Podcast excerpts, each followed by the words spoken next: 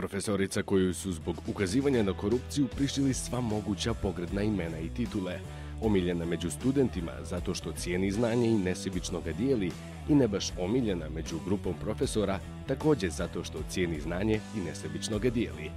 Nije podobna, ali je zato sposobna i priznata širom svijeta. Živi pošteno i ponaša se principijelno, što smeta mnogima koji te osobine žele zauvijek izbrisati iz ovog društva. Smeta im i što je protiv toga da profesori budu oni koji od znanja i vještina posjeduju samo traženje štele i stavljanje mete na čelo i čiji je fond riječi 27. Istinom pobjeđuje prijetnje i armije botova, zato što misli svojom glavom. Slobodu je teško platila, a tu slobodu zaista i živi. Onima koji je napadaju poručuje, različiti su nam svjetovi, a izgleda i svjetonazori o svjetovima i svjetonazorima, medijima u obrazovanju i obrazovanju u medijima. Danas govorimo u besjedama o obrazovanju. Gošća je profesorica Fakulteta političkih nauka u Sarajevu, Leila Turčilo.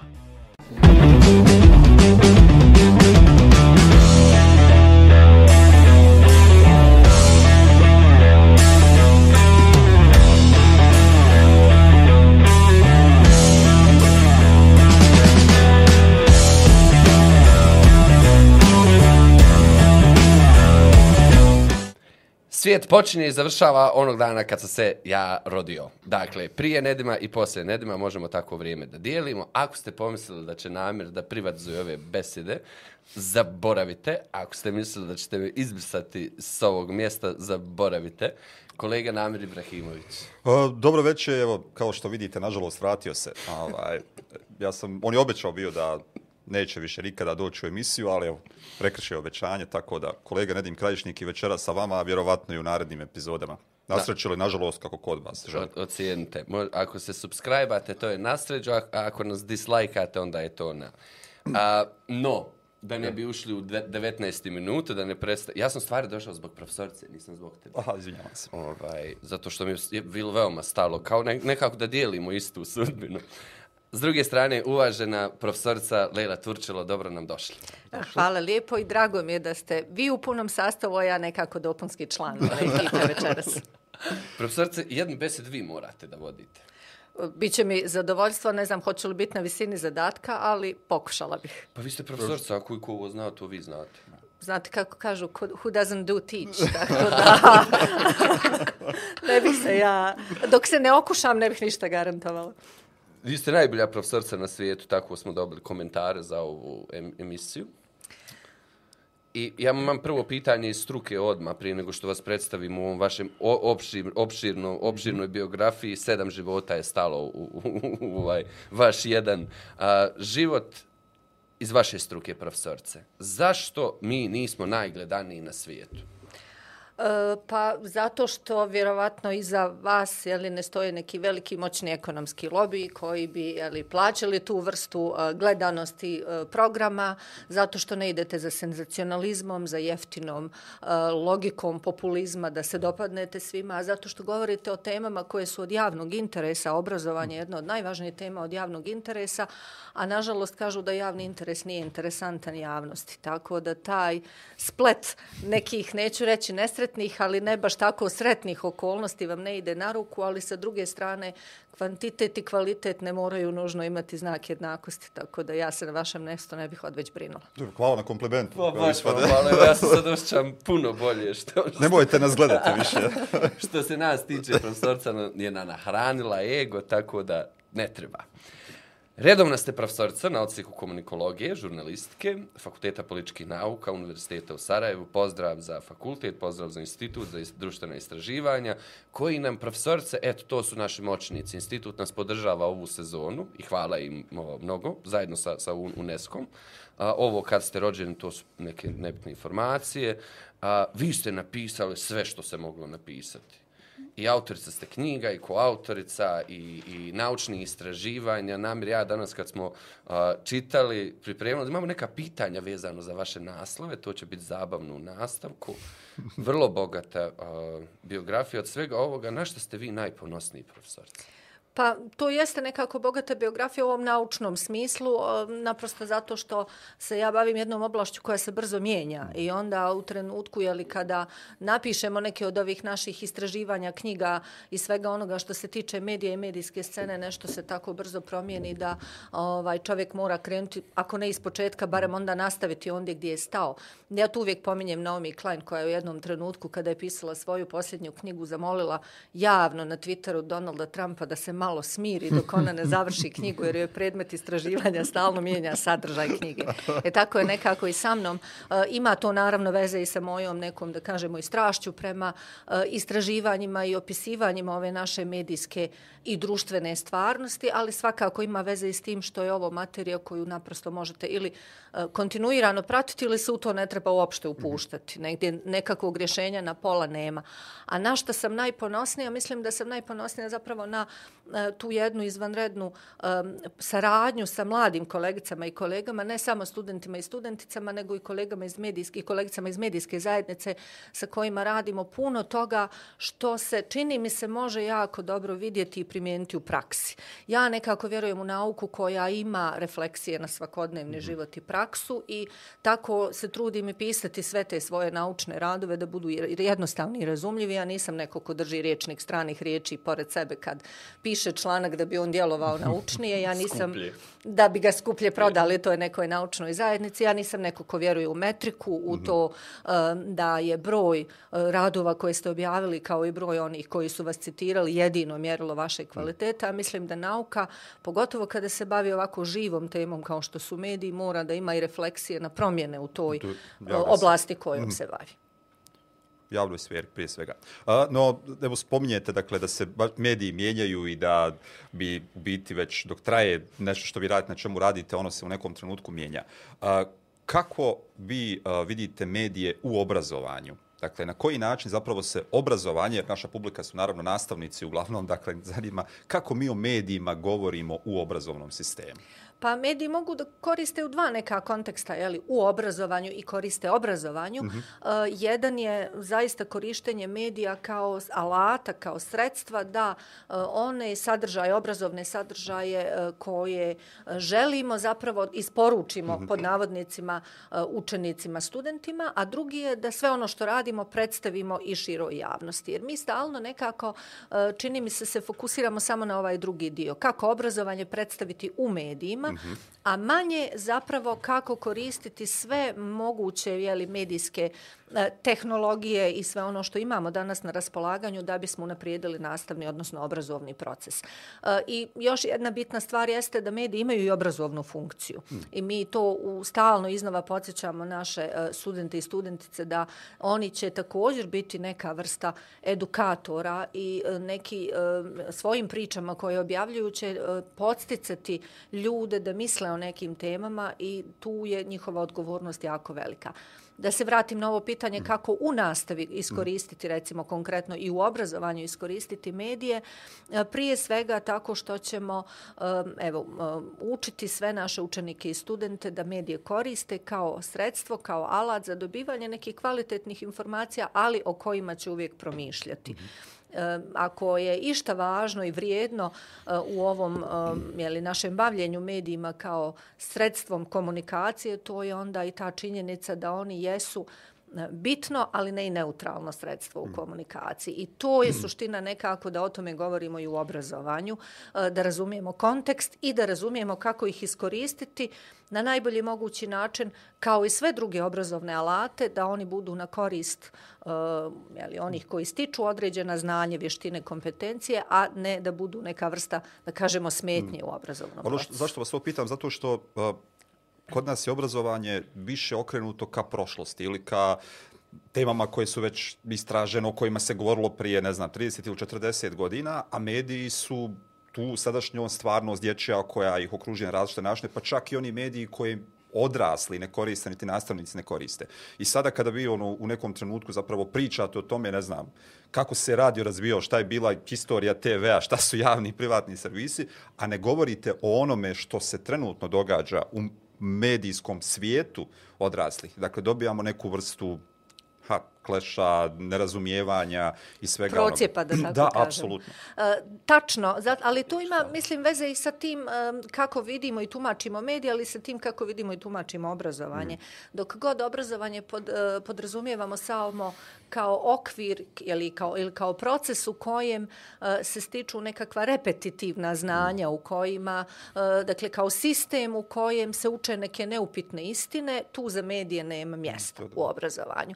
E, Kad obrazovni sistem vidimo kao nešto što propituje stvarnost kao takvu, tu onda mediji nalaze svoju, svoju poziciju. I to najrazličitiji mogući mediji, e, uključujući ove koje mi danas zovemo presosaurus ili mladi ljudi zovu presosaurus, jer to su štampa, radio i televizija, i ove nove koje bi svi da koriste. Ja, evo i svoje studente i studentice kad pitam, kad sam pitala prije deset godina gdje bi radili, umjesto u medijima govorili su u PR-u, umjesto dakle štampe, radije i televizije u PR-u, a danas kad ih pitam gdje bi radili, svi bi bili youtuberi, blogeri, influenceri, instagrameri i tako dalje. Znači, postoji tu zbilja jedna razlika između onoga što mi mislimo da mladi rade Da, da, da. i djeca rade u tom medijskom okruženju i onoga što se stvarno dešava.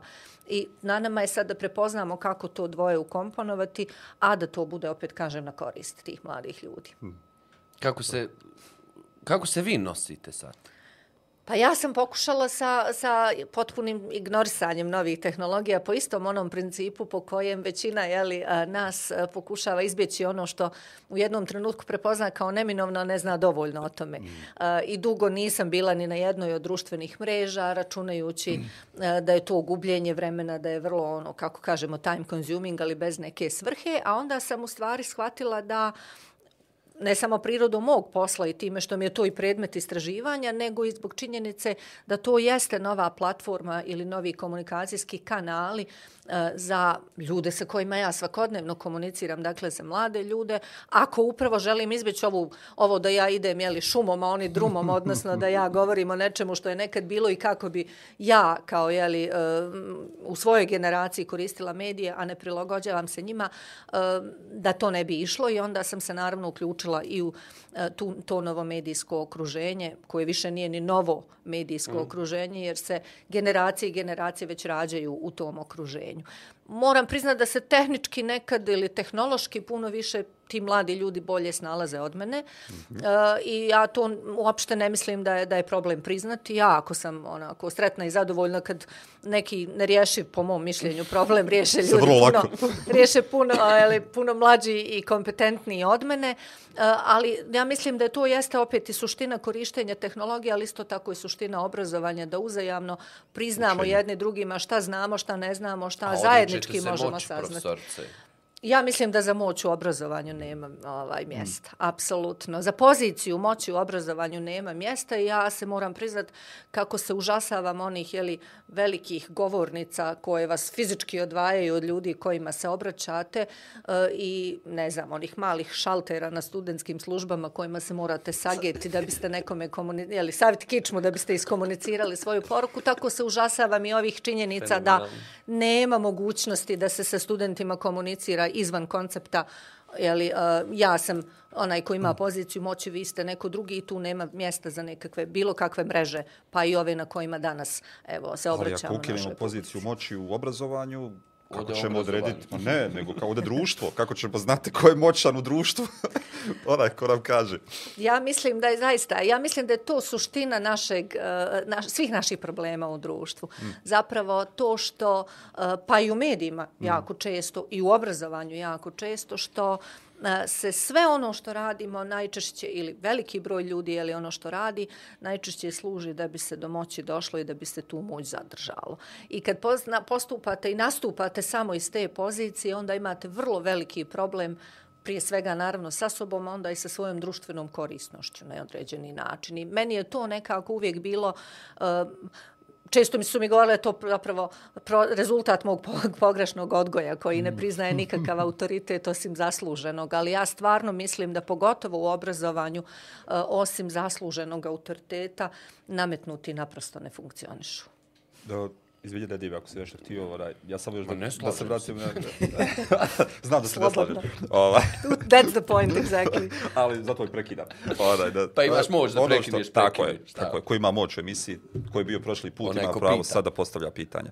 A, malo prije ste rekli da su mladi ljudi, što se tiče same poznavanja tehnologije, medija i rješavanja nekih stvari, kompetentniji da rade. Ali koliko a, zapravo imate dojam da oni razumiju št- pozadinu medija, dakle šta zapravo znače pa evo, dostavljanje podataka na društvenim mrežama, tragova digitalnih koje ostavljaju otisaka, bilo privatnosti, ono koje dijele. Dakle, imaju kakav je odnos prema tome i koliko zapravo oni uopće o tome razmišljaju.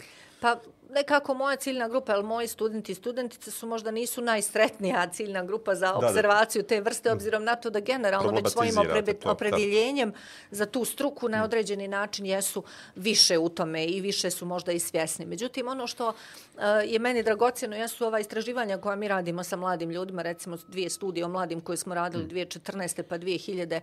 19. ponovno, uh, koje su nam pokazale upravo da je osim te tehnološke kompetencije ili vještine korištenja tehnologija uh, ključni problem zapravo ovaj drugi, a to je razumijevanje uloge tih tehnologija u našem životu, ali ne samo u njihove uloge, nego i načina na koji ih koristimo i jedna vrlo nekritička e, svijest i odnos prema tim namjerno kažem tehnologijama, dakle ne samo medijima kao takvim, nego svime onim čime smo okruženi. E, I ono što je meni tu bilo recimo vrlo zanimljivo, to je da e, ne samo da mladi ljudi ne misle da treba voditi računa o ovim pitanjima digitalnih otisaka, privatnosti, e, govora mržnje na recimo Da, da, da. internetu i tako nekih tema koje su nama negdje u fokusu suštinski, nego zapravo smatraju da je to sve e, zapravo sastavni dio tog okruženja i da je to sve okej.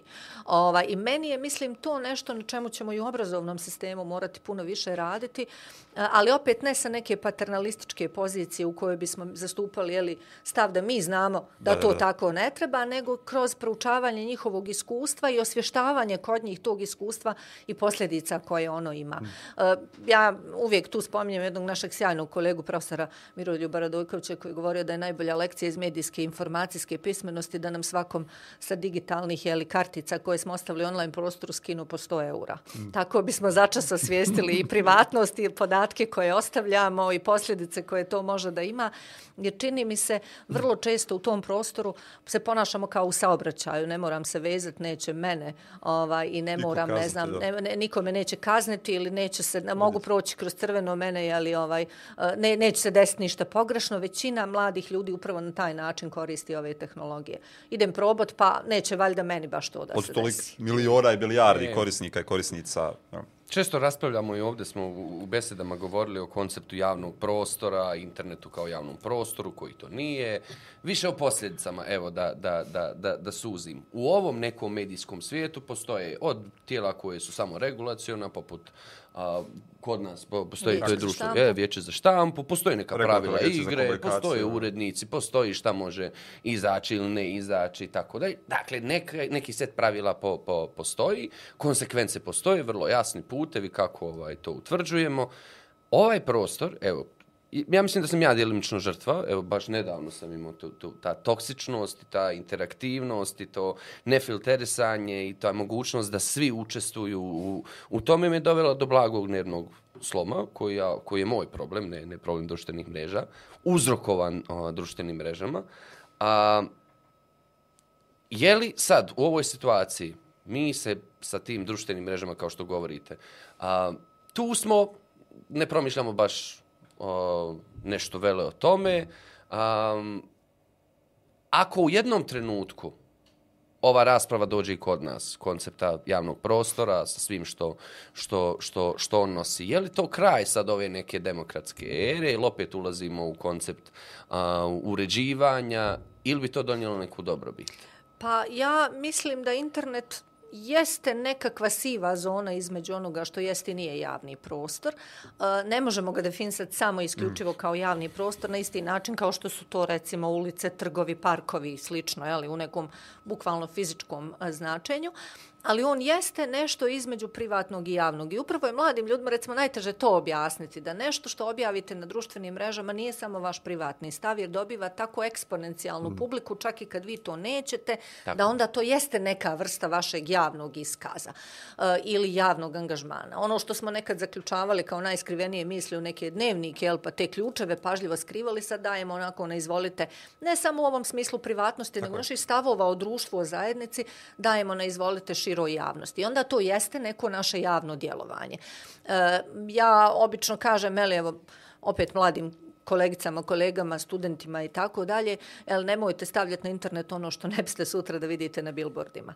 U tom smislu to jeste i nije javni prostor ali u kontekstu ovih posljedica uh, tog javno, to, toga šta znači biti izložen uh, u, u takvom javnom prostoru, uh, mi se čini da, da možda možemo opet uporediti je li taj, taj internetski prostor sa nekakvim je li, životom kao kad biste živjeli u kućama bez vrata, prozora i, i je li, potpuno otvorenim ili u nekim staklenim kućama u kojima je sve vidljivo i jasno. vidljivo jasno i u kojima svi misle da imaju pravo ući u svakom trenutku kad to požele i na bilo koji način na koji to požele. I to onda dovodi do ovih problema koji imate vi, koji imam ja i kojima se mnogi ljudi jeli, ja, pritom imaju... ne može mjeriti, ali doći ćemo do koji se, dakle, koji prosto ljudi imaju, smatraju da imaju pravo da u tom uh, prostoru vam kažu sve što misle ili sve što osjećaju da treba da kažu, ovaj, bez ikakvih posljedica, samo zato što ste, recimo, vi u isto vrijeme kazali nešto s čim se oni ne slažu. Moj problem nije što to jeste moguće.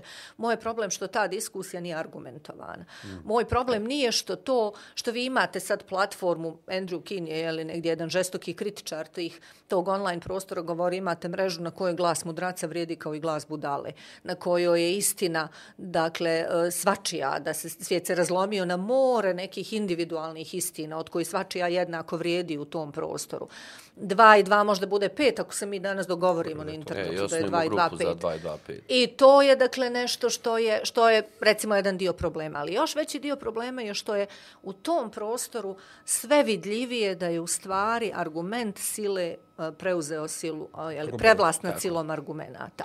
I u tom smislu neka vrsta regulative, dakle ne, ne znam da li je moguća, ali neka vrsta pravila ili novi pravila mislim da je potrebna.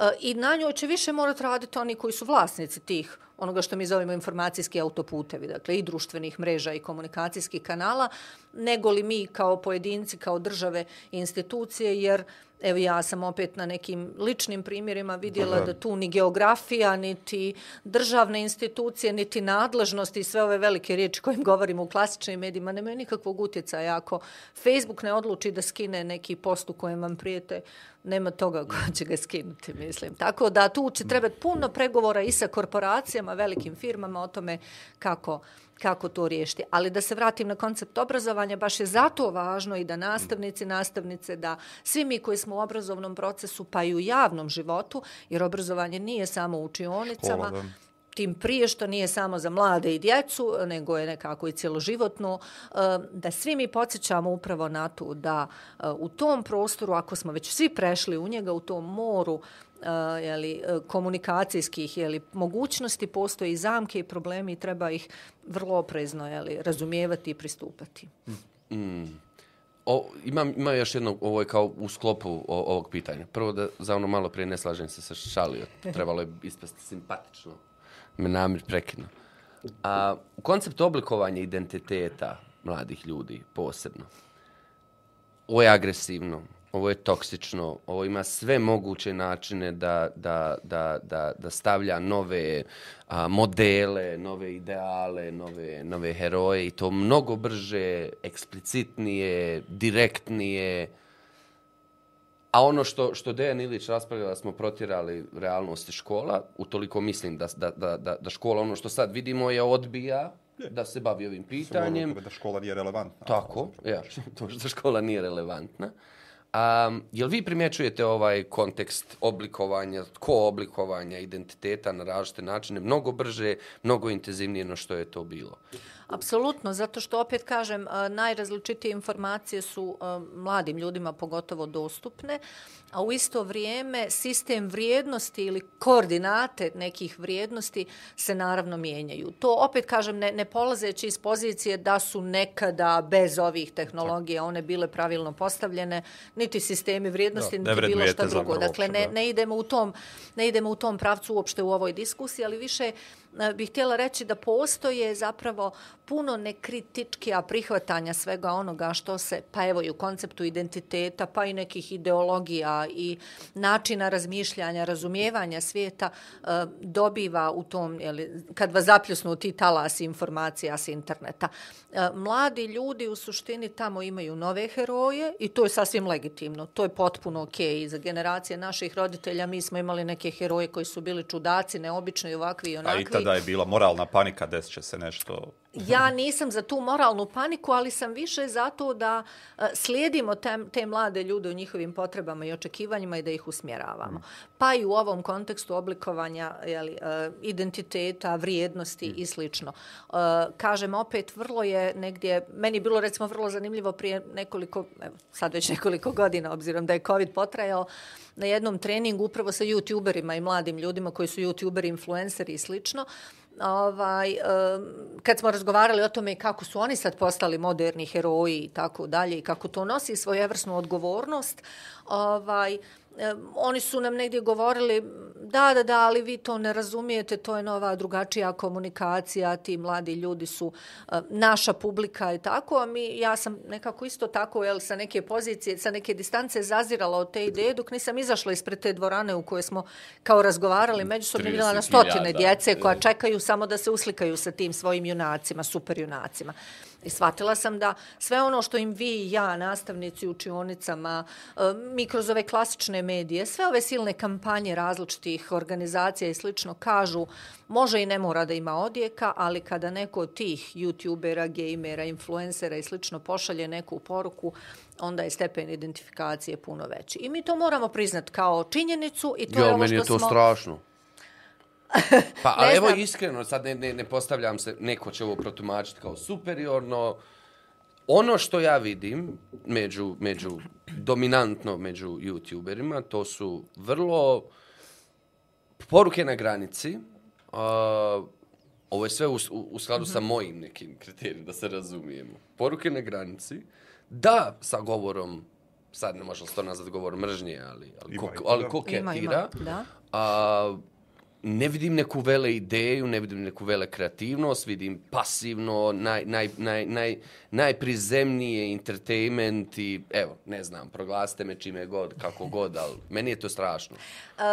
Pa, I dobro. malo me toga razuvjeri tu se mogu dijelom složiti jer ja sam također primetila u suštini um, ono što je ključni trend uh, i, i što je meni možda evo ključni problem, opet kažem da izbjegnem tu poziciju da sam ja jel, u pravu u tom kontekstu, ali evo ono što sam primetila kao ključni problem je da je zapravo jedina vrijednost ili kriterij neke uh, uspjeha zapravo poznatost. I onda se u tom kontekstu, kon, jel, kad govorimo o oblikovanju identiteta, uh, meni se nekako čini da ćemo, kao evo, rekla sam, sad pitate mlade ljude šta bi da postanu, kažu youtuberi, gameri, a kad i pitate zašto, onda obično kažu zato da budemo ono famous i da imamo novca. I to baš tim rječnikom, dakle famous, dakle ne ni popularni, poznati, nego baš čuveni, kako bismo doslovno preveli. Uh, I onda se u toj poznatosti u stvari stalno spušta ljestvica onoga što jeste način da postanete to što jeste. I zato tu, tu, tu dijelom jeste u pravu. Pa se vidi da baš broj subscribera ne prihvatne ili ne do, donosi neka fina uglađena diskusija, to je ovo što smo na početku rekli, mm. što nas ne gledaju, jel, zašto nismo masovno popularni, ali donosi nešto drugo, a to je biti jeftin, biti priprost, biti um, simplificiran u komunikaciji, tu nema visokoumnih diskusija u nekom najpozitivnijem značenju. To vi vidite prosto i u Kako to osiromašenom... To vidite i u nekom, pa evo, mislim, vidite to u osiromašenom rječniku mladih ljudi. Vidite uči- to u činjenici da, evo, u ovim našim istraživanjima nam je 18% mladih ljudi reklo da nikad nije pročitalo knjigu do kraja. Ovaj, I meni je to recimo nešto što, s čim, s čim se, jeli, gdje se mogu složiti s vama da to ide u nekom, da kažemo, regresivnom uh, smjeru, ali kad, kad sam rekla ovo da treba mlade ljude slijediti, on, i, i, ali ne, i ne nastupati iz neke pozicije, jedino je loše, jeli, jedino to može biti loše, mislim da su, evo, i ovi primjeri naših ovakvih emisija ili nekih drugih sadržaja kojima se može približiti uh, mladima, a na drugačiji način nešto što moramo graditi kao vrijednost. Znači, to, je, to je daba doslovno kako bih rekao, jasno da se radi o komunikacijskom kanalu. Sadržaji su zapravo posljedica društva u kojem živimo, odnosno svih ovih godina u koje ne ulažemo. Kao što je ova relativizacija, odnosno da je sve jednako vrijedno, nastala već od 70. godina sa poststrukturalizmom i sa svim ovim postmodernom koja je, koja je, koja je dobila do toga, onda se to pokazalo u, u, u najbolje mogućem svjetlu na internetu, Internet. tako i ovdje. Dakle, mi samo vidljivije nam je. Dakle, da, da, da Jer taj medij ogoljava tako, sve potpuno. Dakle, mi to, ali to je postojalo, vjerujem, i slično u nekim drugim, na drugi način i prije toga. E sad, to je ono što zapravo, kako doći do toga da a, društvo zanima ne, nešto drugo, kako bismo imali medijske sadržaje ono koji nisu samo komentiranje igranja video igrica, kreveljenje ili ne znam, vrijeđanje nekoga drugog. Ti gori od mene. I, ali tu, je, tu postoji još jedna vrlo bitna stvar, a to je zapravo um, da sad već postoji sukob između individualnih i opće društvenih vrijednosti. Mm -hmm. Ja vrlo često upravo u razgovoru s tim mladim ljudima, a čak češće dakle, sa osnovnoškolcima i srednjoškolcima nego sa studentima, vidim upravo tu jednu potpunu zanemarenost bilo kakvih opšte društvenih vrijednosti. Jedan potpuni self-centrizam, dakle, koji je, mislim, posljedica i ovoga o čemu govorimo, to su društvene mreže i sve ono što se na njima nalazi i ta po, želja za slavom, poznatošću, uh, tim brojem followera i tako dalje. I uh, meni je recimo fascinantno, vjerovatno nastavnici, nastavnice koje nas prate i slušaju to znaju bolje od mene u učionici. Svakodnevno kad razgovarate s tim mladim ljudima, kad kažu moj jedini cilj u životu je da budem poznat, to ću postići tako što sam harizmatičan ništa više od toga nema. A onda naravno kada pitate šta znači harizmatičan, onda kažu pa znaš svi me prate, svi me gledaju, poznaju, prepoznaju me. Imam Vrtimo neki, se u krug. Imam tako. neki fol kojim kao privlačim pub, imam slogan, imam ne, znači samo dakle jedna orijentacija na to. Onda kada kažete šta tu ima za društvo, Mislim, šta, šta, čime ćeš ti doprinijeti da te upamte? Šta ćeš ti ostaviti tom društvu sutra kad, jeli, osim tih svojih nekih, hmm. jeli, ovaj, followera, onda vam kažu, mene društvo ne zanima. Što ja imam s društvom? Kao nije moje da se brinem o društvu. A to onda ima posljedice u svim drugim segmentima Tako. tog istog društva. Da mladi ljudi ne glasaju jer to i društvo ne zanima. Oni su online. Da mladi ljudi ne smatraju da trebaju nešto znati, imati neke vještine. Osim jeli, ove vještine samo prezentacije. Jer njih isto tako ne zanima. Dakle, to da mladi ljudi, ne znam, kupuju diplome ili, ili seminarske radove. Jer ih isto tako osim cilja koji će time postići. Da dobio diplomu. Ništa ne zanima, tako da dakle nije tu samo pitanje u stvari ono tehnologije tako na koje su, ona je samo ogolila sve te devijacije o kojima govorim.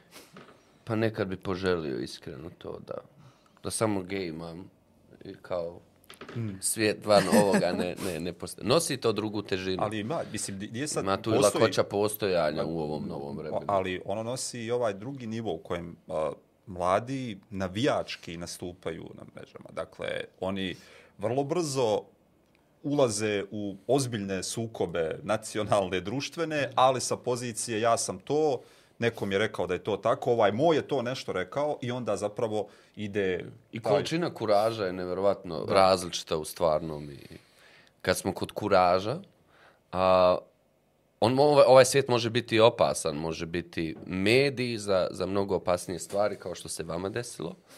Um,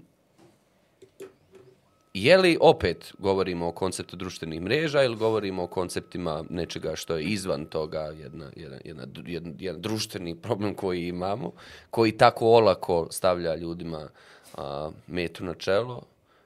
Evo, kako je biti u, u, u toj koži?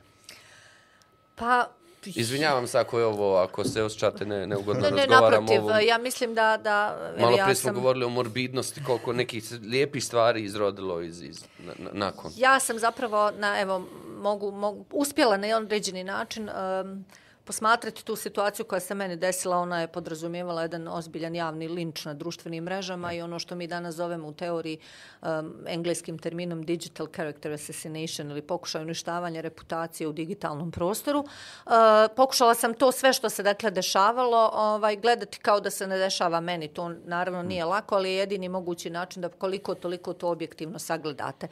Ovaj, uh, I mislim da se, da se u tom svemu uh, najviše u stvari pokazalo i ovo o čemu malo prije smo malo prije govorili da internet odnosno te društvene mreže samo um, prenio na taj prostor modele koje smo imali i u ovom uh, nekom da kažemo drugom offline offline svijetu. Pa kao što imate je li ovo nasilje u, u, u realnom životu i u stvarnom svijetu tako imate potpuno iste obrazce tog online nasilja u tom prostoru. Ja toga nisam bila svjesna uh, dok uh, nisam počela da o tome javno govorim. I jedini glavni razlog zapravo zašto sam počela javno govoriti o tome šta mi se dešavalo nije zbog nekakve ali, pozicije e, da, da, iz, da tražim neku vrstu sažaljenja ili eto da se požalim javnosti, nego upravo da pokažem koliko je to što se u online prostoru dešava isto kao klasično nasilje u stvarnom životu. Mm. Mi smo, ja mislim da sam ja tu također u svojim istraživanjima imala jednu vrlo pogrešnu hipotezu koju to nisam dokazala,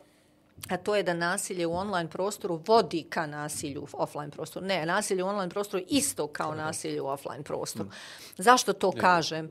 Ovaj, zašto to kažem? Zato, I to će sigurno mnogi mladi ljudi koji su prošli cyberbullying tajno, bez ovog nekog javnog na društvenim mrežama, po Viber grupama i tako dalje i tako dalje posvjedočiti.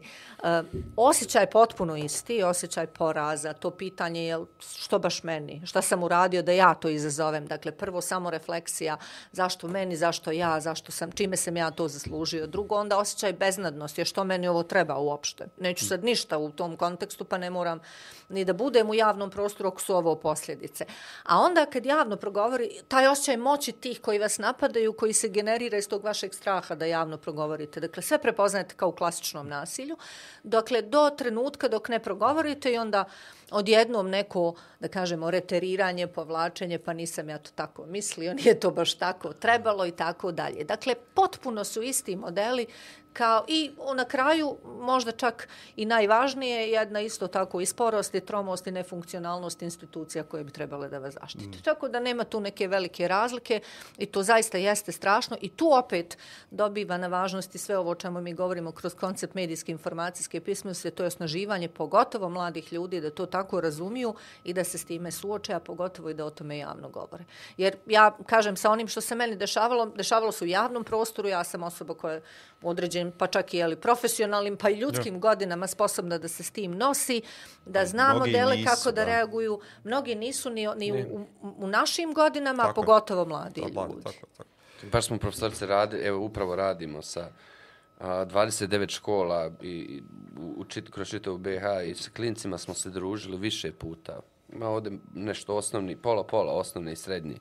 Više puta smo se s klincima družili, dali smo im jedno sigurno okruženje u kojem razgovaramo. Čak smo to snimili, imamo serijal besjeda sa, sa djecom koja, evo, možda je danas 17. 11. dan srednjoškolaca. Prošle godine sam na društvenim mrežama napisao, ako vam neko čestita, odbite čestitku, jer znači će onda kad počnemo ulagati u vaše obrazovanje i tako dalje, i, i dalje stojim za toga. No, strašne stvari izgovaraju, ni jedno dijete nema da nije iskusilo nijedno dijete, ne, dobar dio njih i dalje biva predmetom ozbiljnog nasilja, ajde ga nazovem pravim imenom, jako mi se dopada taj, ta nova hipoteza. A, očajni su. Očajni su i oni, jer na, mi smo podbacili u toliko, ono o čemu ste malo prije govorili, da budemo dio tog svijeta i ako ništa pokušamo ga razumjeti, ako ga ne razumijemo, a oni sada u nemogućnosti da to artikulišu iskomuniciraju i ne govore o tom. Mm -hmm. I to sve dešava unutar njih sami, unutar nekih malih grupica, razvijaju neke vrlo čudne mehanizme rezilijentnosti unutar toga i, i možda je to najtužniji serija o edukacija koje smo mi u Stepu radili. Pošto ne radimo s klincima, evo ovo je bila prilika, ovo je i serijal najtužnijih. I tu se u stvari evo sad pokazuje koliko uh, smo koliko je važno to vođenje i u tim dakle dakle vođenje od strane prije svega odraslih, sad kad govorimo o djeci osnovnoškolskog uzrasta, čak i predškolskog, neka istraživanja pokazuju da su djeca i u predškolskoj dobi već izložena raznim oblicima online nasilja. I to je nešto što je naprosto zastrašujuće i tu uloga i roditelja i nastavnika zaista mora biti da razumiju sve te procese, da razumiju šta se dešava i da pomognu djeci da se nose s tim. Najčešće, naravno, roditelji pribjegavaju metodu dobro, nećeš sad biti tamo. Hmm. Jeli, nećeš sad biti uopšte online i onda, te niko, onda ti niko ne može ništa. To je dodatni biljeg. Što je dodatna, jeste, apsolutno. Ovaj, e, ja to, evo, opet poredeći sa ovim nekim e, tradicionalnim medijima, e, jednom, jeli, jednom anegdotom, e, jedno tako dijete iz mog bliskog privatnog okruženja je prije nekoliko godina strašno bilo je ali rezignirano što jedina u razredu ne zna ko su neke zvijezde sa nekih televizijskih ekrana jer su ti ekrani zaključani, odnosno ti kanali zaključani u njenom domu i svi ostali u tome govore u školama i svi sve znaju ona, onako kako ona tu kaže, padne s Marsa u tu priču, isto vrijedi i sa mrežama. Dakle, onog trenutka, kad, kad evo, mi sad radimo jednu onako lijepu humanitarnu priču, akciju, paketića ili poklona za djecu, ogroman broj djece traži prije svega tablete i mobitele da bi bili online s drugarima, jer dolaze i socijalno ugroženi porodica i, i slično i nemaju ih. Dakle, nije, znači, isključivanje nije opcija, Uh, E, nadziranje također, vi ne možete, to nije kao na autocesti da dijete vodite za ruku cijeli dan i kažete sad si siguran i tako dalje. Jedino što možete je zapravo naučiti ga da se nosi s tim i da otvoreno o tome govori. Ja mislim da je prije svega otvoreno razgovaranje na te teme i ta, ta je li sloboda djeteta da kaže jesam uh, ugrožen sam na ovaj ili onaj način. Ovo mi ne odgovara ne, je nešto što je važno. Ovo što je govorio, sigurno okruženje da kaže I sve što se... To stvarno obrazovni sistem može jako puno da pomogne. I recimo imate u nekim jeli, puno razvijenim jeli, uh, obrazovnim sistemima mislim, od najranije dobi to učenje djece da kažu ne, ovdje su moje granice, dalje od ovoga ne možeš ni u kom privatnom jeli, kontekstu, mm. ni u online, ni u offline prostoru, da kažu da se s nečim ne slažu, a da a, to ne, jeli, na određeni način ne prihvataju kao model komunikacije. To na društvenim mrežama naprosto ne može, ne, ne, jeli, ne, ne osnažujemo djecu da to rade, ali opet kažem, to jesu stvarno samo um, novi prostori gdje se sve to dešava, sve ove sve te užase o kojima govorite i u online prostoru mnogi učenici učenice prolaze u nekim drugim okruženjima u stvarnom svijetu tako da internet je samo dodao još jedan nažalost izazov jeli, u tom prostoru na sve ove već neriješene probleme u, u stvarnom životu. A, problem je sad kada govorimo naravno da bi obrazovni sistem trebao no obrazovni sistem je zapušten nastavnice i nastavnici koji rade u obrazovnom sistemu nemaju adekvatnu podršku društvo ne vidi da je obrazovanje vrijednost, osim deklarativno, ponekada i negdje. I uh, ukoliko u društvu nema zvaničnih promjena, ukoliko ne vidimo da zaista je interes da ima da smo obrazovna nacija ili da imamo obrazovno stanovništvo, teško će se to moći i u školi samo uraditi, samo po sebi. Dakle, ono zahtijeva zaista mnoge stvari. Evo, kolegice i kolege koji predaju na nastavničkim fakultetima, ni na koji način ne pomažu budućim nastavnicima i nastavnicima da se suoče sa onim šta djeca rade, na koji način da im daju metode kojima će doći do djece, u kojima će razgovarati, kako će primijeniti ili koristiti medije u svojoj nastavi, nego još uvijek zapravo oni izučavaju, bave se isključivo naukom predmeta koji će predavati, kao da će, ne znam, naučne teorije od prvog razda osnovne škole kada se pojave, kada se pojave govoriti.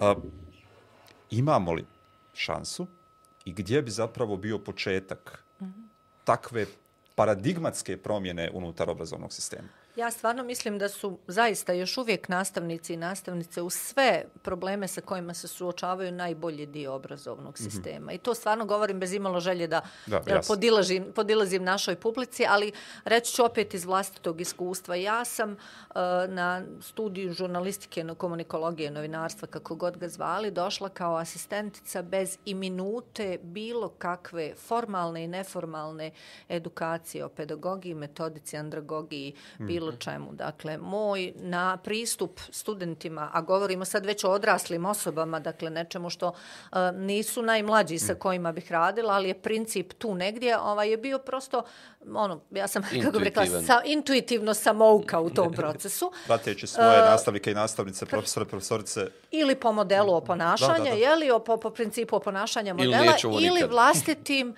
ili prosto vlastitim nekim, kako bih rekla, meni su jako pomogli ko, moje kolege uh, koji su predavali predmete, pedagošku grupu predmeta mm. i tako dalje na fakultetu, pa su me negdje obskrbili literaturom i nekim dugim razgovorima i slično. Hoću da kažem, dakle, da je jedan od dijelova problema zapravo te kompetencije koje, pa i za ove teme o kojima smo malo prije govorili, nastavnici uopće dobivaju u obrazovnom sistemu, to je jedna stvar. I druga stvar, zaista još uvijek ključni fokus naših obrazovnih procesa na sadržaja, ne na učenika. I ja to isto tako vidim i, i, ovaj, i u, evo, u, u visokom obrazovanju kada umjesto nastavne jedinice koju ste napisali u silabusu, a puno ste slobodniji nego recimo u nastavnici u osnovnim i srednjim školama, jer vi negdje definišete mm -hmm. te nastavne jedinice, pa ih vi sami sebi propišete, pa se umeđu vremenu desi nešto što pa je važnije, pa biste ih promijenili ili pozvali nekog gosta, ili ne znam, otišli na neku izložbu umjesto održanog časa, onda vam negdje ovaj se spočitava u tom jeli, ili direktno ili između redova da eto, ovaj ugrožavate nastavni proces zato što je idete u te neke inovativne metode i pristupe. Znači kako kre, odakle krenuti, mislim da bi stvarno bilo najvažnije da donosioci obrazovnih politika više slušaju stvarni život ili mm. priče iz stvarnog života, nastavnike i nastavnice i oni su ti koji su svakodnevno uključeni u rad sa djecom, mladima pa i odraslim u visokom obrazovanju i znaju šta su im potrebe. Mi imamo tako podcjenjivački stav i prema učenicima kao predmetu ili objektu obrazovanja umjesto da su ključni njegov subjekt i prema nastavnicima kao onima koji su samo isporučitelji znanja. Mm, da. I onda tu više nema prostora da išta osim ovoga o čemu govorimo, a to je nastavna jedinica, metod, sadržaj, isporuka, reprodukcija, imate bilo. I ocijera na kraju. A ovdje me, sad, sad, sad me interesuje, hoćete se složiti ili nećete sa, sa ovom mojom jednom Neću, niste ni malo sad složili. sadržaj jest jednako nastavnik. Sa, fokus na sadržaj je fokus na nastavnik jer ste govorili umjesto fokusa na dijete, mi imamo fokus na sadržaj, u mojoj glavi je to fokus na nastavnika. Opet.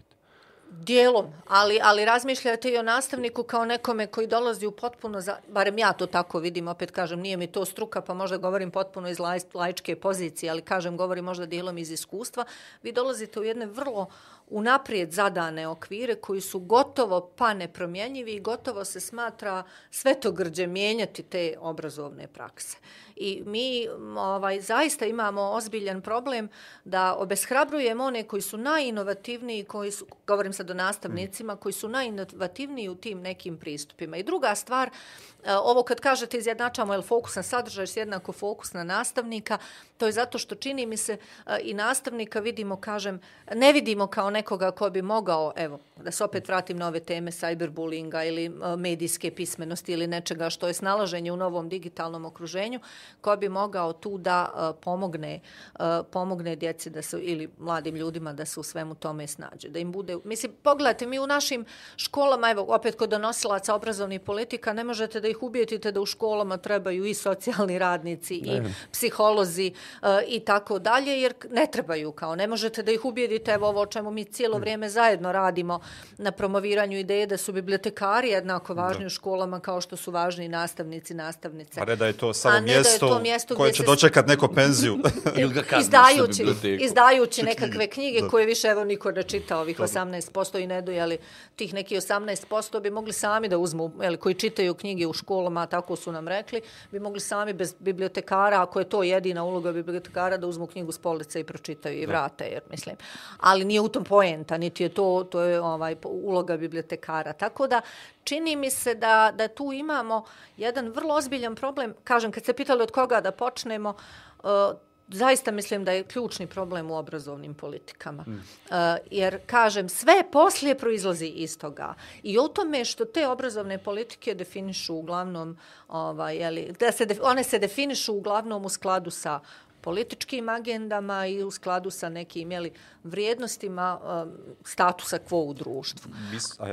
A te, te vrijednosti statusa quo u društvu, dakle da bi ovakvo društvo kakvo mi imamo danas odgovara naravno onima koji imaju poziciju moći, a da bi je oni održali i zadržali, uh, najviše im zapravo odgovaraju upravo ovakvi uh, građani koji su zastrašani od najranije dobi, evo, izloženi cyberbullyingu pa uvjereni da ne mogu ništa, do toga, dakle, do toga da su uvjereni da su vrijednosti to biti poznat, biti dakle individualne, naprijeti svoj život za zajednicu, me ništa ne interesuje, neću ni izaći na izbore, neću glasati, neću raditi ništa. Odgovaraju im ljudi koji su dakle ne, nisko ili nikako ili vrlo loše obrazovani, koji ne promišljaju, ne propituju i onda se zapravo ne, teško se je pitati kako svi mi uslovno rečeno ispodjeli da rješavamo probleme ako negdje ovaj u, u strategiji toga šta hoćemo sa obrazovanjem su stvari pogrešno postavljene. A, mi smo zadnji, čini bi se, četiri izborna ciklusa čitali predizborne programe političkih stranaka koji su govorili o obrazovanju. Jedno čekam opet. I, ovaj, I šta smo zapravo, šta je ono, nekoliko ključnih stvari. Prvo, da su to nabacane floskule koje su isprepisivali ko zna odakle gdje, da skoro sve liče jedna na drugu i da u biti kada biste ukinuli logo političke stranke i pokušali, mislim da niko ne bi pogodio koja politička stranka je zaista stoji iza. Jer ni na koji način ne odgovara političkoj ideologiji koju formalno izgovara ta politička partija, što zapravo opet govori ili da te programe rade diletanti unutar političkih stranaka koji ni na, koji, ni na koji način uopće ne razumiju šta je zapravo obrazovanje na koji način, da političke stranke ili politička rukovodstva obrazovanje ne zanima kao takvo, da to nije mjest nešto što... I da je to opet ono o čemu ste govorili malo prije, neka inercija, neke škole će uvijek biti, neke nastavnici će uvijek biti, neka djeca će proći kroz nešto, dobiti diplome i to će biti to. Dakle, u, u ovom, kad govorite o, o obrazovnim politikama, bojim se da, nažalost, u okviru ove ponude političkih stranaka do sada mi zaista nemamo ozbiljne uh, članove stranaka koji razumiju šta jeste obrazovanje i kako da ga mijenjaju. Ja, Ili ga razumiju pa ga ne daju. Ja se tu zapravo mogu složiti u ovom dijelu kad kažete um, imaju, dakle, svi ti programi liče jedni na druge, to je zato što programa nema. Hmm. Ova, jeli, dakle, I onda je tu vrlo jasno jeli, da sve to što mi imamo uh, na papiru zapravo djeluje kao nekakvo, usudit ću se reći, žargonski šminkanje mrtvaca. Znači, da, da. znamo da je taj sistem urušen, propao, nikoga ne zanima, ali ćemo govoriti nekim velikim riječima riječima o tome kako da postignemo digitalne kompetencije tako dalje. Cijelo dakle, životno prazne, učenje. Ali re, da, da, apsolutno, kao neke prazne buzzwords, jeli, u engleskom jeziku ima taj sjajni termin buzzwords, jeli, kao asocijacija na ono rojeve pčela koji stalno nešto zuja, nikakve tu nema, ne, ne onoj ne, suštine meda. i sadržaja, jel? A ovaj, zašto je to tako? Zato što, evo, pa vidite, pogledajte, kod raspodijele vlasti. Zapravo, jeli, obrazovanje uvijek zapadne one političke stranke koje nisu u nekom, jeli, razdiobi kolača, kad se podijele budžeti, ministarstva odbrane, Evo vojska, policija, obrazovanje. obrazovanje onim koji su ko nešto se tu pitaju, ali nedovoljno da bi se bavili bitnim stvarima. Ovaj, I u tom smislu te, dakle, mi zapravo i kad govorimo, i zato je recimo opet ovaj da se poslužim engleskom jeziku sjajno to što u engleskom jeziku imate za dakle politiku dvije riječi jedna je politics a jedna je policy. Mm. Kod nas je obrazovanje dio politicsa ne policy. Dakle bavi se ono je moneta za dnevno da. političko podkusurivanje, mm -hmm. a nije strateško opredjeljenje u smislu policy dakle javnih politika koje bi nešto značile za ovo društvo. Al takav je odnos prema društvu općenito. Mm. Dakle, nama za veliki broj donosilaca političkih odluka o svemu pa i o obrazovanju, društvo ko, o kojem odlučuju je zapravo sredstvo, a nije cilj.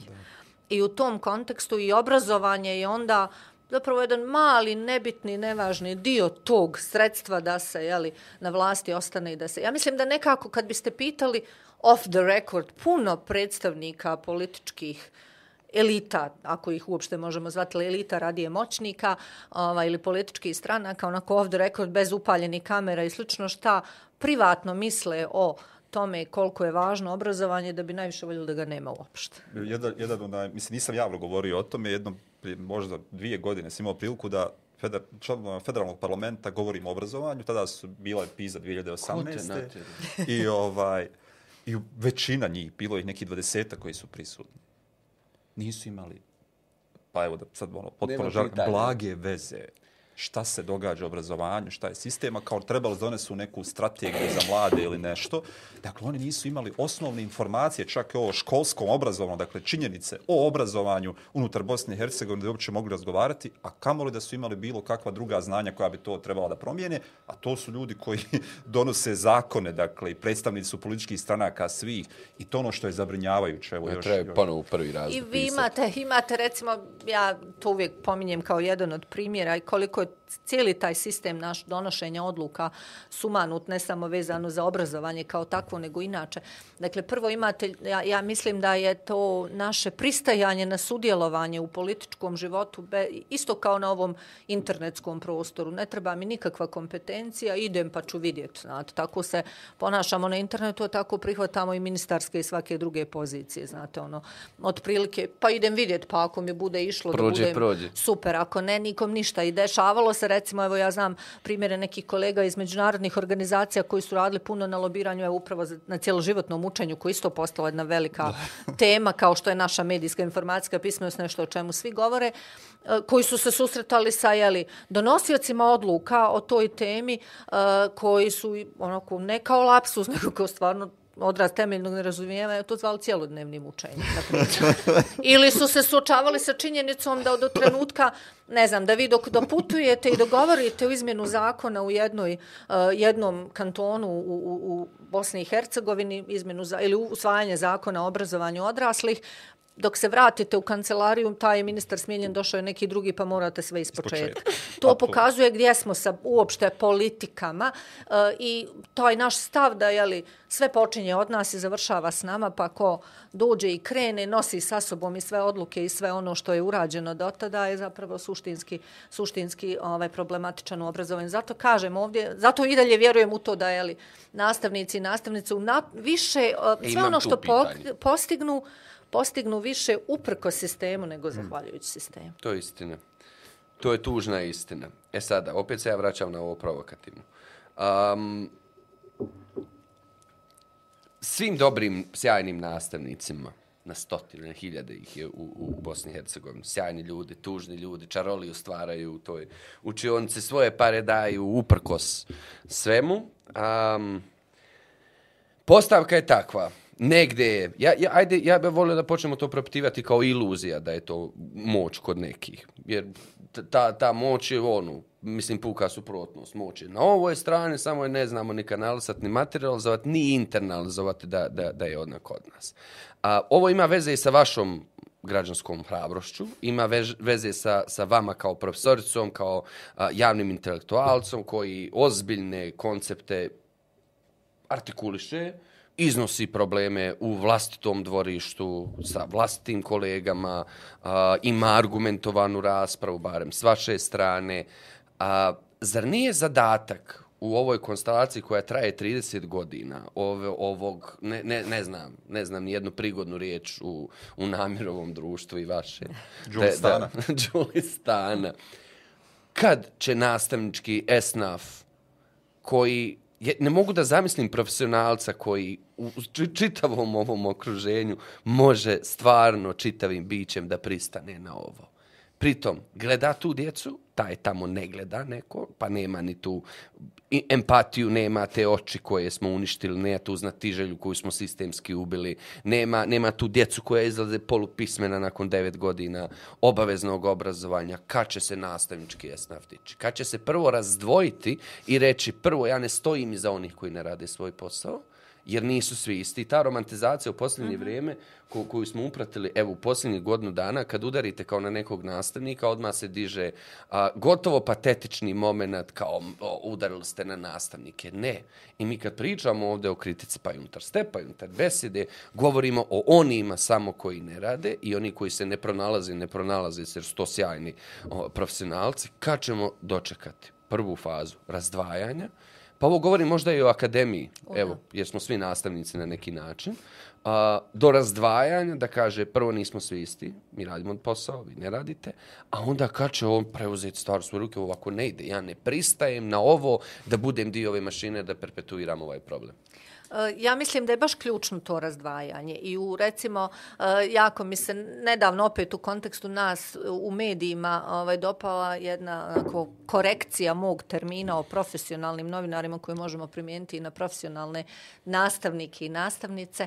Eh, kad sam ja nekako tako isto romantizirano govorila o profesionalnim novinarima kao da su svi takvi, onda mi je jedan kolega otprilike skrenuo pažnju i rekao, vidi, taj tvoj termin profesionalci ne znači ništa, znaš, imaš profesionalnih ubica, nikakve etike, moralnosti, nikakvog sistema, mislim, ništa izvan, Ali sva izvršno rade svoj posao, izvrsno E, ga. sad ja mislim da je nekako ključno, ne samo u obrazovanju, nego svim profesijama zapravo razdvojiti ne samo dvije kategorije, ovi koji rade ili ne rade svoj posao onako Mhm. kako bi trebalo u skladu sa nekim, da kažemo, ako nemamo jeli, svi neke zakletve kao medicinari ili ljekari što imaju, barem ih nekad pred sobom jeli, Mhm. ovaj, e, položimo na, kad ulazimo u određenu profesiju, e, onda da imamo još jednu treću kategoriju, a to su zapravo um, oni koji se, koji na određeni način, um, dakle, Imamo ove koji rade odgovorno, profesionalno, časno, nastoje uvesti inovativne metode, u nas, sve, sve, sve, sve.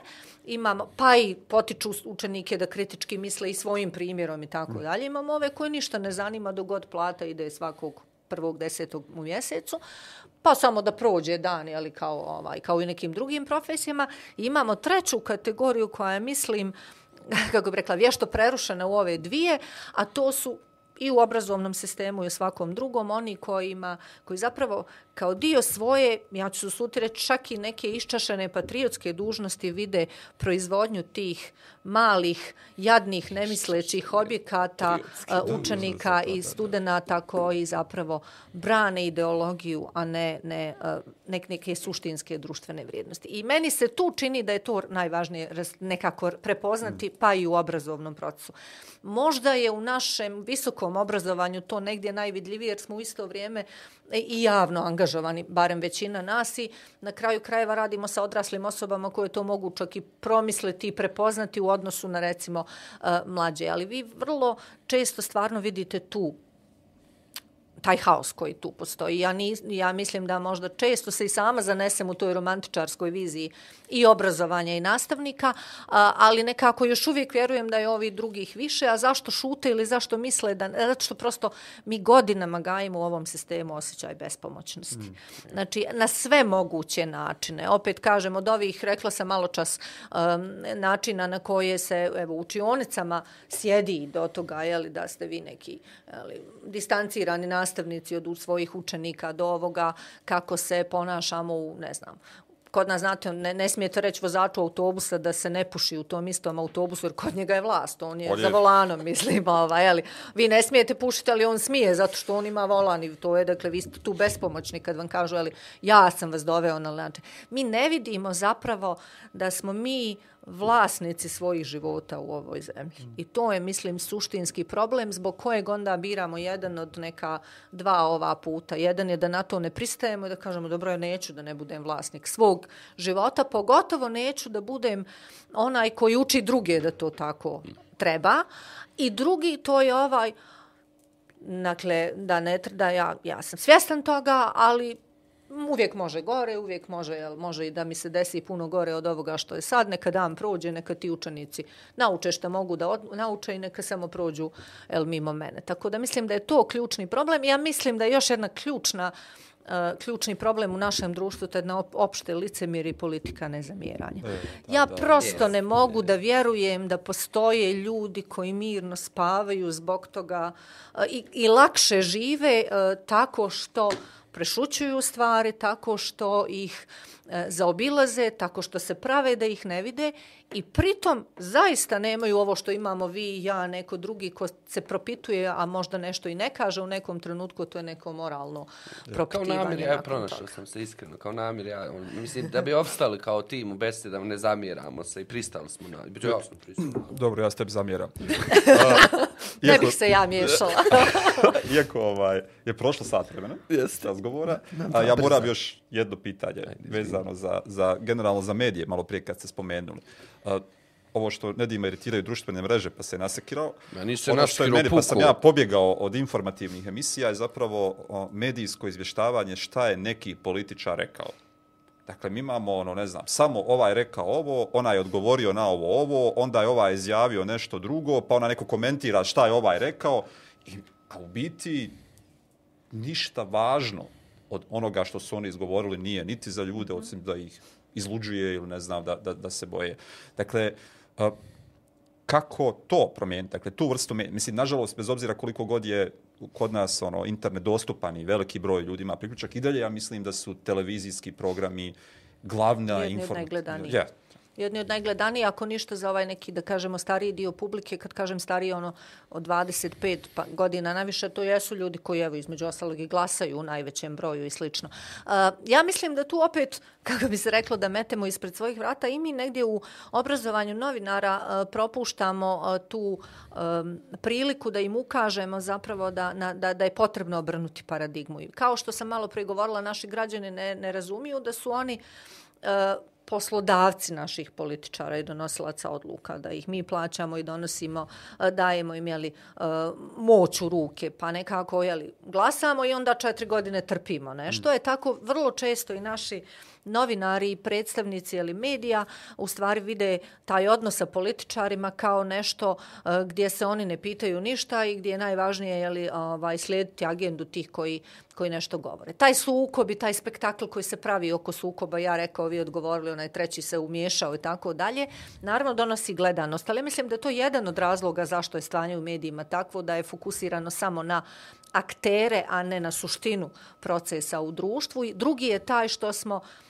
opet kroz cijeli obrazovni proces također naučili te, te ili, novinare koji dođu na određene događaje da ne pitaju ništa, da ništa ne, ne propituju, da, ne, da su Bude ti ljudi bude neki autoritet. teško kad vidite da su možda neki od vaših studenta i studentica. Ja recimo, ovaj, meni bude Iskreno. u stvari, me, meni više, Mal transfer blama.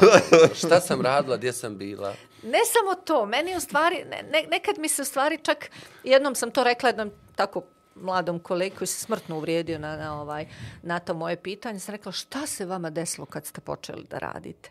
A onda on rekao, zašto je? Kažem, pa vi ste bili među onim koji su najviše pitali, propitivali, mm -hmm. mislili kritički ovako i onako. Onda ste došli u neki mediji u kojem ja da ne, pro, ono, da ne pročitam vaše inicijale ispod tog nekog teksta, zaklela bi se da je svako mogao da ga napiše, a vi ne. Ova, e, to je sad pitanje tog našeg uklapanja, ali znate, to je fina sredina, tu je plaća redovna, tu, ja to mogu dijelom da razumijem u nekom konceptu egzistencijalne, ali i dalje ne mogu da razumijem da se mislim, opet kažem, možda govorim iz relativno lagodne pozicije, često to novinari znaju zamjeriti nama iz akademske zajednice, ali ne ideš na teren pa ne znaš kako to izgleda, ali uh, nekako i kad idete na teren i, i išla sam i, i bila sam i u toj situaciji, radila sam kao novinar neko vrijeme, nekako čini mi se da, ja, ja, stalno sam se podsjećala nečega što je, recimo, sjajno definisao Viktor Ivančić da se dobra novinarska priča u želucu osjeti. I loša isto tako. I tako je sa svim drugim jeli, ovaj, oblastima u kojima živimo. Uh, vi prosto sami sa sobom znate je li to okej okay ili nije okej. Okay. Sad to što prešućujete ima različitih razloga zašto prešućujete. Nekad su oni egzistencijalni, nekad su dio vaše prirode kao takve svega ovog što govorimo licemjerena, zamjeranja i slično. Nekad su rezultat jeli, toga kako, u kakvom ste okruženju, nekad straha, koje čega, ali što god da je razlog od toga, ako ste častan čovjek, morate znati da tu nešto nije u redu. E Sad ja nekako se pitam da li, jesmo li, ovaj, jesmo li stvarno, je, je li, jesu li ti časni ljudi statistička greška u ovom društvu ili je zapravo i da se vratim na ovo pitanje ovaj, jeli, e, političara i ti koje ništa ne pitamo, ni kao novinari, ni kao građani, ili su oni nama toliko oteli i državu i moć i utjecaj i vlast, da su nas čak uspjeli ubijediti da ovaj nas nema bez njih, a ne obrnuto. Je, pa vjerovatno su da primjerima pokazali da mogu da kazne, da mogu da uskrate, da mogu da zanemare, da mogu da izoluju. To je Konsekvence postoje. Postoje, ali ja mislim da je najveća konsekvenca 30 godina ovakvog To života. je, to to posebno. je čitav moj To- život. To je čitav moj... Vi ste imali barem onu godinu, dvije, kad ste mogli na Mi smo, klupi spavati. jeste, mi smo spavali na klupi u parku. Spas, I nismo imali interneta i svih ovih problema o kojim smo govorili. Da, da. naša redovna rubrika. Šta radite, bre? A, Šta ste čitali? Blitz pitanje. Zaradi pa vladaj. Fenomenalan naslov. Dobro, da, to je zapravo dijelom tema bila i moje doktorske disertacije. Zapravo sam se htjela zapitati koliko ne samo ovi koji imaju političku, nego i oni koji imaju ekonomsku, Ekonomsku moć utiču moć, na sve moć. ovo. Da, da, da. Jer kod nas je ta politička ekonomska moć jako isprepletena. Jednog nema bez drugog ovaj, i onda mislim da je zapravo tu jedan od problema našeg društva. Igramo s- posebno, ono, recimo, o situaciji u Hrvatskoj, možda sa Todorićem i ostalo dok je bio u najvećoj moći, malo koji mediji se usudio da uradi, pa čak i HRT odbio da prikaže dokumentarac o, o porodici. Onog trenutka kada je krenuo proces, onda su svi skočili da ne gleče. Jedva dočekali. Dakle, da. Uvijek je tako. Drugo blic pitanje. Opet se igramo s vašim naslovima. Ko stvarno stvara obrazovnu politiku? Jesmo to mi ili su to ovi moćnici? U Bosni i Hercegovini ja bih rekla da je da još niko nije počeo kreirati obrazovnu politiku u Bosni i Hercegovini. Imamo neke iscijepkane obrazovne politike koje su sve, politika. samo to nisu, tako da tu ću rest my case. Um, imamo specijalnu rubriku, zove se Boris Čović, drugar iz Mostara.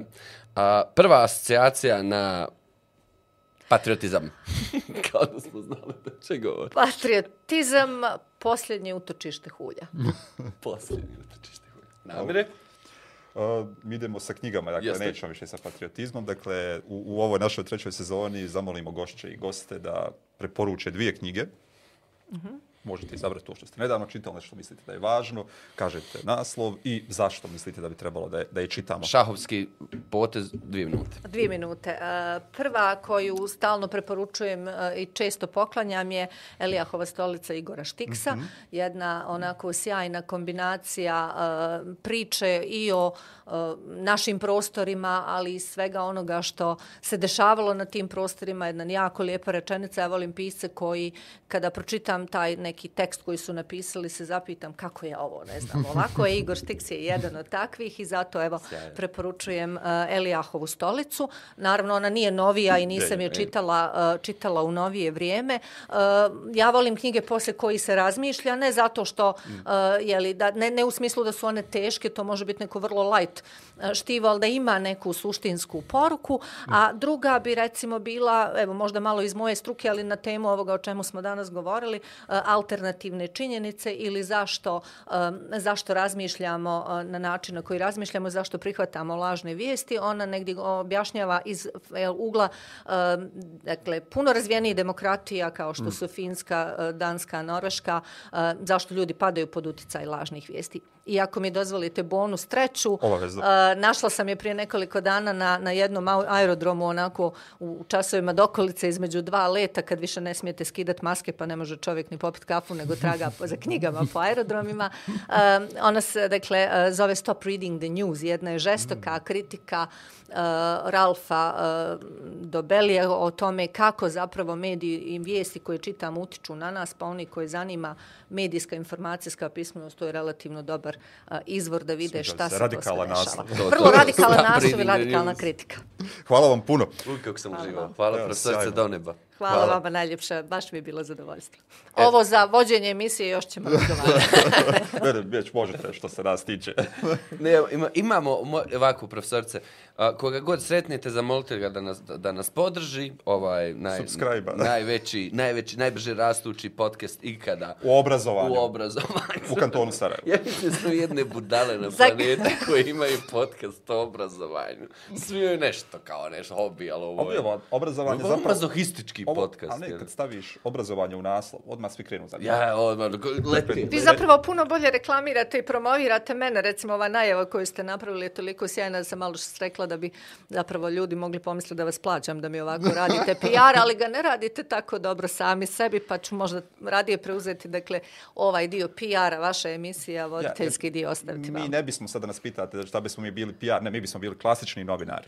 Dogovoreno, ja ću onda to- biti To u PR. njegovo ime, ja bi da budem bogat, slavan i popularan. Vi ste na YouTube.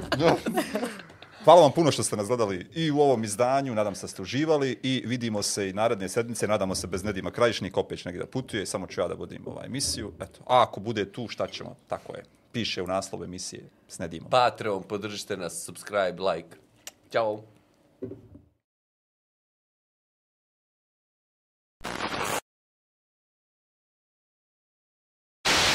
Profesorica koju su zbog ukazivanja na korupciju prišili sva moguća pogredna imena i titule. Omiljena među studentima zato što cijeni znanje i nesebično ga dijeli i ne baš omiljena među grupom profesora također zato što cijeni znanje i nesebično ga dijeli. Nije podobna, ali je zato sposobna i priznata širom svijeta.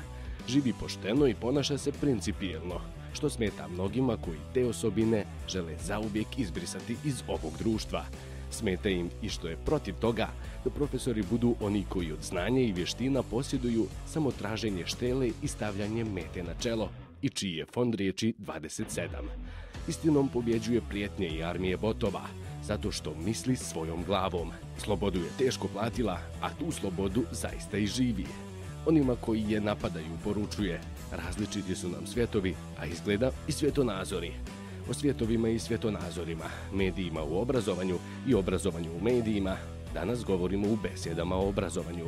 Gošća je profesorica Fakulteta političkih nauka u Sarajevu, Leila Turčilo. Muzika.